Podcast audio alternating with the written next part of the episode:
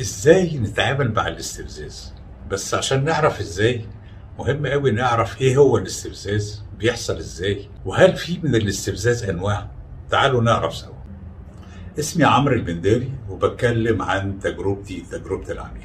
كلنا فاكرين القصة بتاعت صاحبنا اللي كان دايما يقول لك أنا بتبقى المعلومات مترتبة ومتستفة في دماغي بس كلها بتروح ساعة ما أخش امتحان أو ما أشوف واحدة حلوة. هو ده نفس الفكرة بتاعت الاستفزاز.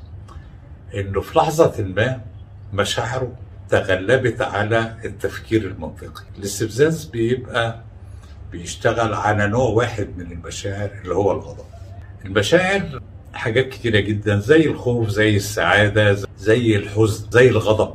والغضب هو مجالنا النهارده إن إحنا نتكلم نتعامل معاه إزاي لما نحس بالغضب لما حد يستفز الاستفزاز هو عبارة عن إثارة مشاعر الغضب. واحد بتتعامل معاه بتسأله سؤال وبتتكلم معاه في موضوع ويبتدي يستفزك بعدة طرق. الطريقة الأشهر إن هو يرد عليك باتهام زي أنت مش عارف عملت إيه أول إمبارح أو ابن عمك كسر إشارة وهو سايق العربية أو أي حاجة من الحاجات اللي هي تخليك عايز تدافع عن نفسك.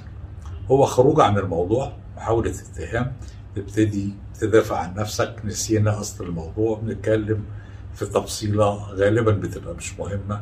حتى لو أنت حاسس إنها مهمة بس هي فعليا مش مهمة لأنها بره الموضوع. الطريقة الثانية إن هو يتكلم معاك بطريقة تضايقك أو تنرفزك يزعق. فتبتدي أنت تزعق أنت كمان وأنت تزعق وهو يزعق أنت تنرفزه وهو ينرفزك ونبتدي نخش في موضوع طويل جدا ملوش أي علاقة بأصل الموضوع.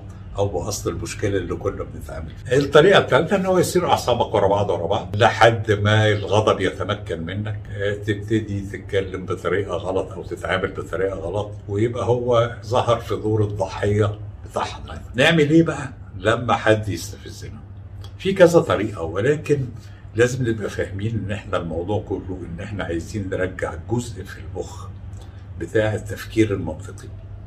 يرجع يشتغل تاني لأن الجزء بتاع المشاعر كان مسيطر في خلال الفترة بتاعت الغضب أحسن حاجة فيها وأنجح طريقة إن أنت تفكر اللي قدامك ده بيعمل كده ليه أو هو عايز يوصل إيه من الاسترس بتاعه. دي طريقة بتنجح جدا. الطريقة الثانية خد نفس عميق.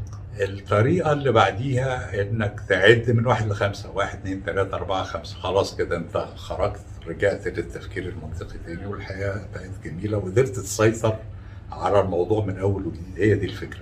الطريقة اللي بعدها حدد اسم الشعور اللي أنت حاسس بيه. هل هو غضب؟ هل هو انزعاج؟ هل هو حزن؟ هل هو خوف؟ ايا كان الشعور سميه. الطريقة الأخيرة إنك تبص على الحاجات اللي حواليك تبص على الحيطة والأرض والسقف والناس اللي موجودة بص لهم في عينيهم. هتفهم كمان انطباعهم إيه من الحوار اللي حصل لو في ناس موجودة حواليك. قبل ما نخلص أنا عايز أقول إن في في ال description تحت في مراجع كويسة قوي للموضوعات اللي إحنا بنتكلم فيها لو حد عايز يرجع لها. وعملنا صفحة على ال social media على الفيسبوك ال link بتاعها تحت برضو. لو حد مهتم بالموضوع إن إحنا نكمل مناقشتنا عن تجاربنا مع بعض. شكرا لوقت حضراتكم.